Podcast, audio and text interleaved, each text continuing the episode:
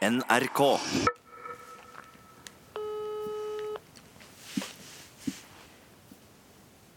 Jonas er student i Oslo.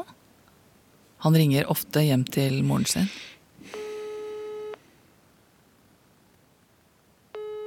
Ja. Velkommen til mo... ja, hun skulle til tannlegen halv ti. Hun er sikkert uh, handle eller noe. Er moren til Jonas ute og handler? Eller var den tannlegetimen så seint?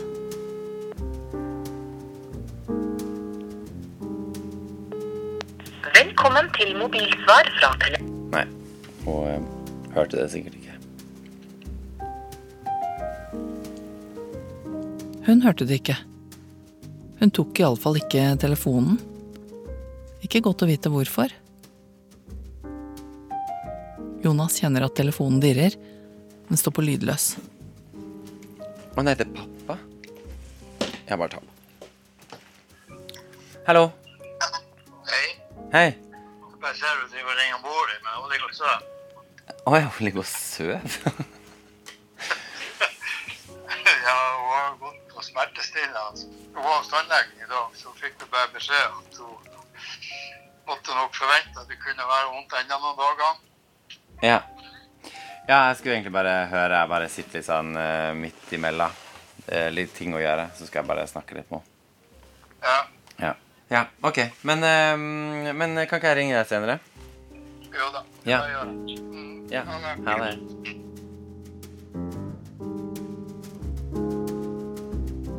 Kraft. Kraft. Og Jonas har ringt moren sin mange ganger når det er kritisk. Sånn som den aller første gangen det skjedde. Det kom helt uforberedt. På en julekonsert.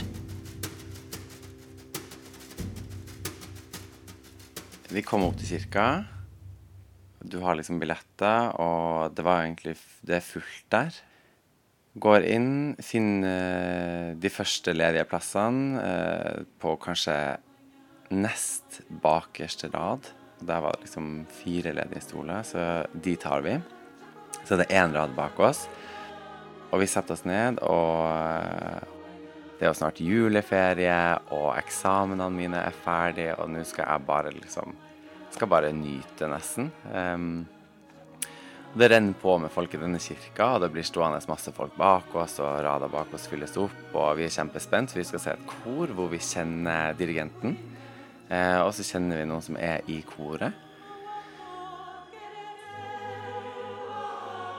Lysene dimmes ned i kirka. Eh, Så starter konserten. Ehm, Det er jo langt fram til scenen, så man ser jo så vidt du vet når du liksom sitter med sånn ekstra strak rygg og skal få med deg hver minste lille ting. Det er et sånn bilde av eh, Det er liksom en fresko som er malt på veggen eh, av Jesus og noen av hans disipler. Det er veldig flott, det er veldig lyst, det er, liksom, det er svært, og det er De sitter på steiner, og det er litt grønt gress, og Det er ganske levende kirkebilde, da. Men så har det blitt blått av lyset som eh, koret har installert. Og så kom, begynner jo julesangene å rulle på, og det er jo 'Jeg elsker jul'.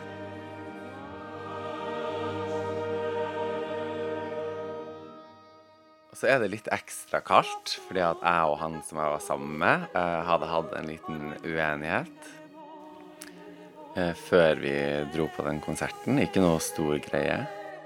Men eh, Så det var kanskje liksom både kaldt i den store kirka, men også litt sånn kaldt på, på setet ved sida av meg. Det første jeg husker, det er at jeg er helt, helt, helt nummen i bena. Um, det er ikke prikking engang. Jeg, bare, jeg er så nummen, og så tenker jeg bare OK, hva gjør jeg nå? Nå må jeg jo ut. Jeg må ut herfra. Men jeg vet ikke om jeg uh, klarer å reise meg. Og hvor skal jeg gå? Og det var jo Det var jo ei rad bak meg, det var midt i en konsert. Um, det var noen som satt på begge sider av meg, så det var ikke bare bare å komme seg ut. Det er trangt, du forstyrrer konserten. Men jeg skjønner at jeg bare må ut.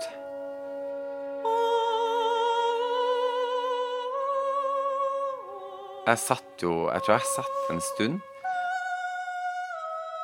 Fordi at jeg var så redd for at jeg ikke skulle klare å reise meg. Og så blir jeg jo klam i hendene. Og så kjenner jeg at herregud, klarer jeg å bevege hendene mine? ikke sant? Og, og teste det, da. Um, og liksom bare løfte de opp. Men igjen så er det jo på den konserten, så du vil jo ikke forstyrre noen eh, noen som helst plass. Så begynner jeg jo å bli litt stram i pusten, og så må jeg bare røyse meg opp. Og visste ikke Jeg hadde ikke planlagt hvordan jeg skulle gjøre noe som helst. Jeg bare røyser meg opp, og er jo selvfølgelig svimmel, men hopper bare over rada bak meg og kommer liksom altså ut av alle sitteplassene. Og så går jeg ut av kirka, liksom. Og det er jo Tok ikke med meg jakke eller noe som helst. Jeg blir bare stående ute alene. Så da sto jeg der og tenkte Hva var det der? Så var det over.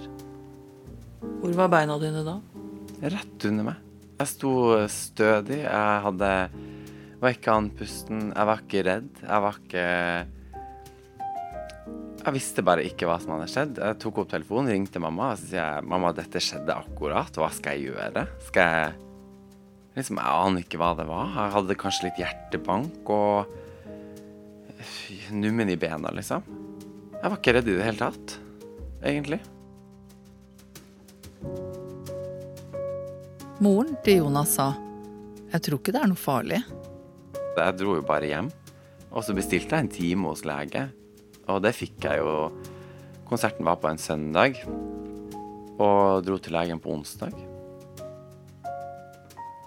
Nei, og Så kom jeg inn og fortalte om denne episoden.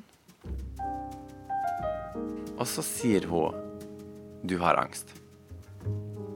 Og så tenker jeg bare Angst? Hva mener du med angst? Er det sånn Jeg har jo ikke Og så går jeg nå ut fra legen. Um, hadde ikke tid til å bry meg så mye om det, for jeg skulle på jobb. Og så skulle jeg jo spise um, litt julebord med bestevennen min. Vi skulle liksom spise en middag og bare gi hverandre julegavene og sånt før jul. Uh, og da er det jo ingenting som har skjedd siden søndag, og nå er vi på onsdagskveld. Og da sitter vi ute og spiser på restaurant. Ga hverandre gaver, og så var vi egentlig ferdige. Skulle jeg bare følge henne hjem, da. Og mens hun er å betale, så er det noe som skjer. På restauranten? På restauranten. Vi er ferdige med middagen. Og da røyser jeg meg bare, og så sier jeg vi må gå nå. Så går vi ut. Det var litt det samme Hva skal jeg si? Det kjennes ut som en slags um, Det vokser oppover fra bena og liksom opp i hele bena og kan liksom Så går det fra bena og bare ut i armene, og så føler man seg skjelven, men du går jo fint. Um, Så en slags indre jordskjelv. ja, det kan du godt si. Uten at det syns. Ja, det syns jo ikke i det hele tatt.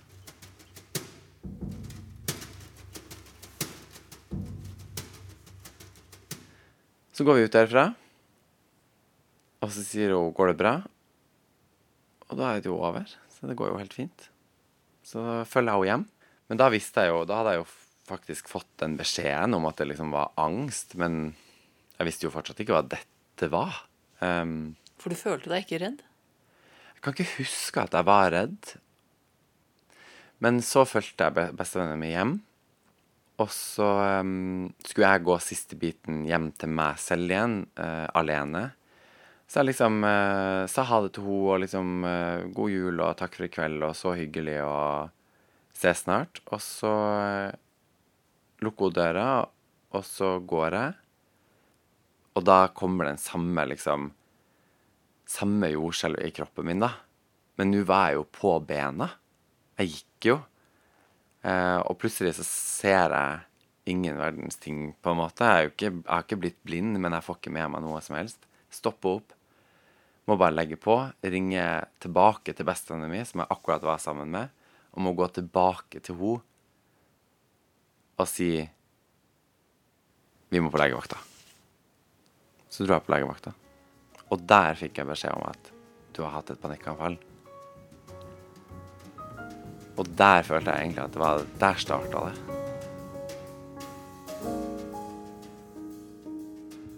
Jævlig skummelt. Det ble flere panikkanfall for Jonas. Ting han aldri før hadde tenkt på, ble plutselig skummelt. Altså, kroppen din blir jo skummel. Um, tankene dine blir plutselig ekstremt skummel. Em, det bildet du har kanskje sett for deg, at eh, livet eh, du skal leve, det blir plutselig helt skummelt. Det blir noe helt annet, og plutselig noe skummelt. Å snakke om det er skummelt, og ikke snakke om det er skummelt. Å sove blir skummelt, og å puste blir skummelt. Å ha øynene igjen blir skummelt, å ha øynene åpne blir skummelt. Å spille sudoku ble skummelt. Eh, å tenke for mye blir skummelt, å tenke for lite blir skummelt.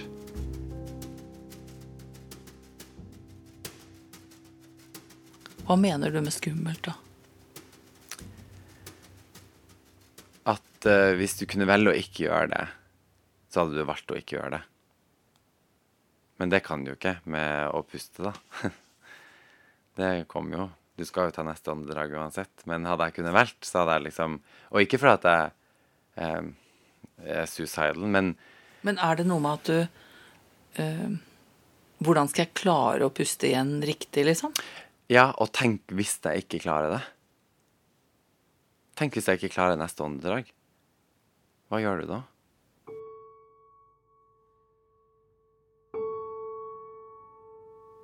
Hvis jeg plutselig blir ute av stand til å puste, til å gå, Ja.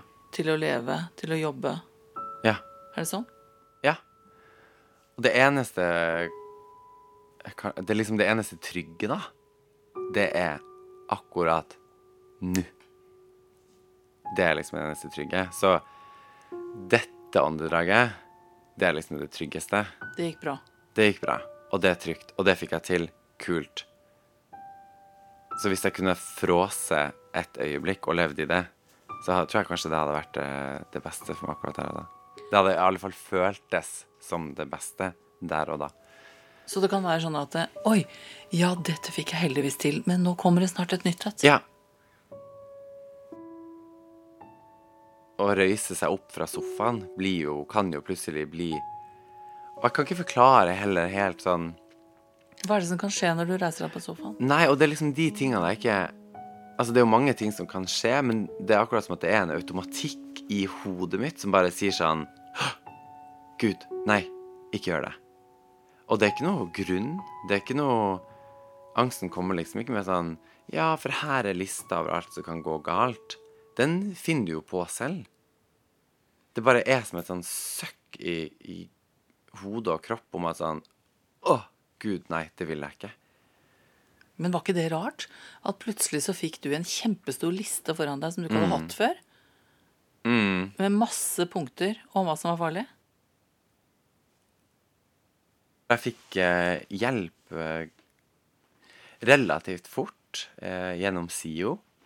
Studentsamskipnaden. Ja, studentsamskipnaden. Så ringte jeg til deres liksom, helsekontor og fikk, eh, fikk snakke med en psykolog med en gang, faktisk.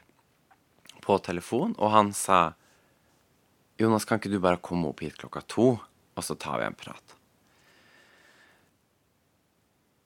Da hadde jeg jo ikke sovet hele helga og eh, rista nesten. Hele kroppen min Jeg husker jeg satt på en krakk på et tidspunkt med en dyne rundt meg. Jeg var så sinnssykt kald. Eh, og det føltes nesten som at bena mine eh, liksom hoppa fordi at jeg skalv så mye. Det, det, Sånn hakket tenner i hele kroppen. ja, virkelig. Og det var, det var så vold... Altså, låret mitt løfta seg um, fra krakken, på en måte. Så satt jeg hjemme alene uh, midt på dagen. Uh, det her var jo en iskald dag i desember. Det er jo helt sånn klisjé og dumt å si det, men det er jo hele tida én fot foran det neste. Så jeg var nå hjemme alene den mandagsformiddagen. Visste at jeg skulle opp til eh, en eller annen fyr på Blindern og snakke med han.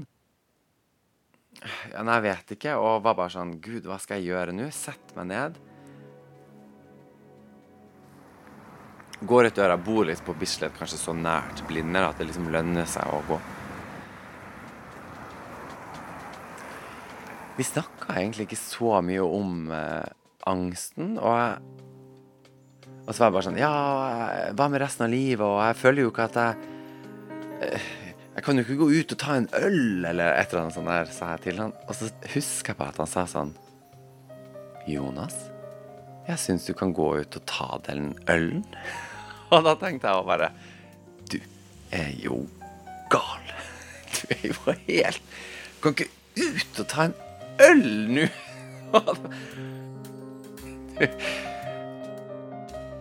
Ting retta seg litt for Jonas etter den praten.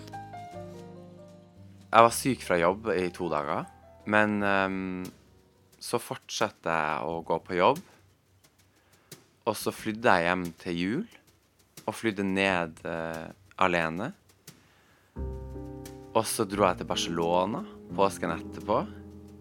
Og så bestilte jeg konsertbillett til Beyoncé i København.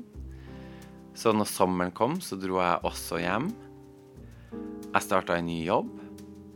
Så i løpet av det halve året så ble det bedre, men så fortsatte jeg å ha noen panikkanfall på noen hva skal jeg si, ubeleilige eh, plasser. da. Så jeg hadde et panikkanfall på T-banen i Barcelona. Og så hadde jeg et panikkanfall på flyet hjem fra Barcelona. Og så hadde jeg et panikkanfall i en bil i en tunnel. Eh, Operatunnelen, du vet. Under havet der.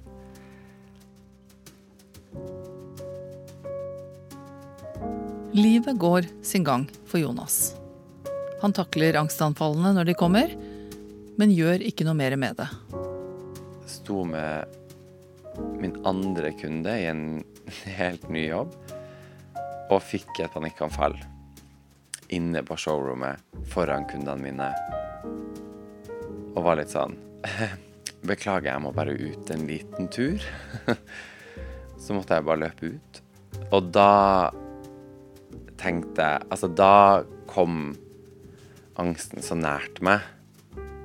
Når han liksom kom inn på jobben min, på kontoret mitt, med mine nærmeste, gode kollegaer Da var han plutselig så inni livet mitt at uh, da ringte jeg faktisk.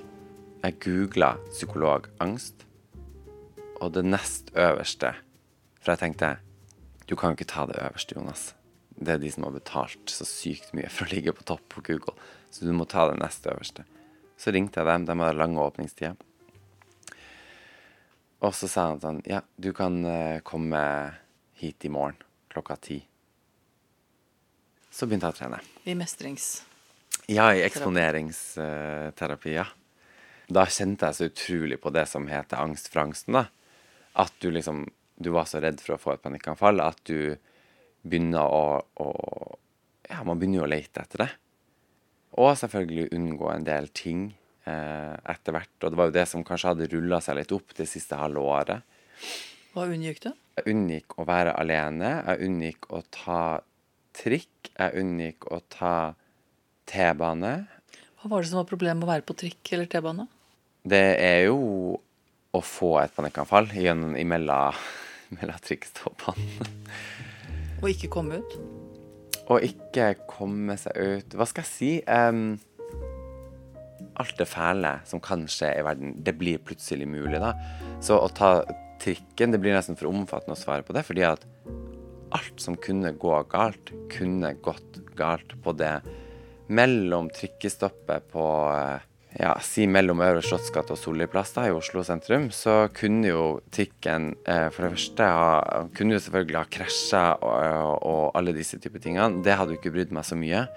Men hva om strømmen gikk, og vi ble sittende på T-banen, og døren ikke gikk opp, og jeg da fikk et panikkanfall? Hva gjør du da?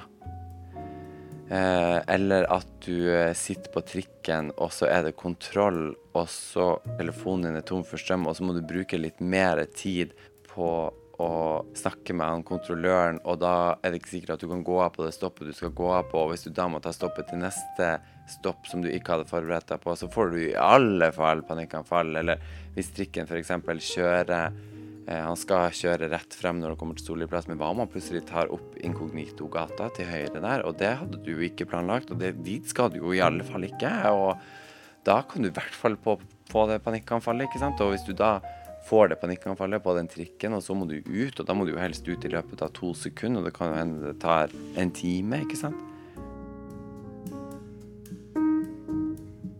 Det var noen av de tingene du Det tenkte på. det blir liksom noe av det, da. Og var mye mer òg. Ja, det er jo så mye mer, og angst er jo et konstant sånn moving target. Så hvis du tenker Gud, hva om jeg ikke klarer å røyse meg? Og så røyser du deg. Og Så er det bare sånn Å ja, det gikk bra.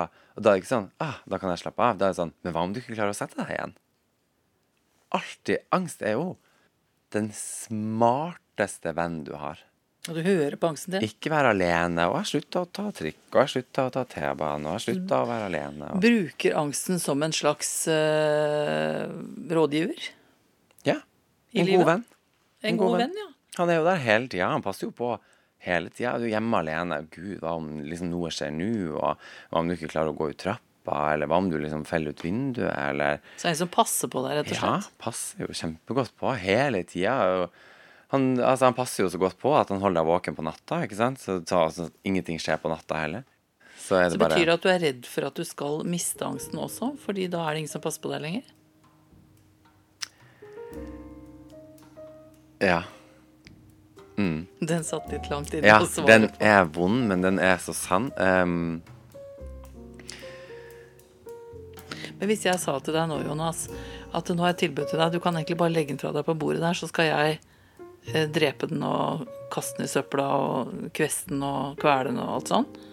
Så da er du ferdig. Bare lever den fra deg her. men da hadde angsten sagt at ja, men det tror jeg ikke går. Hvis det virkelig hadde kommet en stor bjørn etter det, så må du jo ha angst, på en måte. Nå skal jeg spørre om noe som er veldig rart, og som du ikke må misforstå. Men er du litt glad i den? Um, det er jo ikke noe enkelt svar på det, men, eh, men eh, jeg kan jo bare starte med å si ja. Og det er jo det som henger litt sammen med at vi At det er en god venn, ikke sant? At du Det er vanskelig å ikke lytte til angsten, fordi at de scenarioene angsten eh, gir deg, da Det er snakk om at tar du T-banen nå, så får du et panikkanfall. Punktum. Alternativet er å ikke ta T-banen. Da får du det bedre. Det sier angsten. Og det er jo et godt, eh, godt råd, vil jeg si.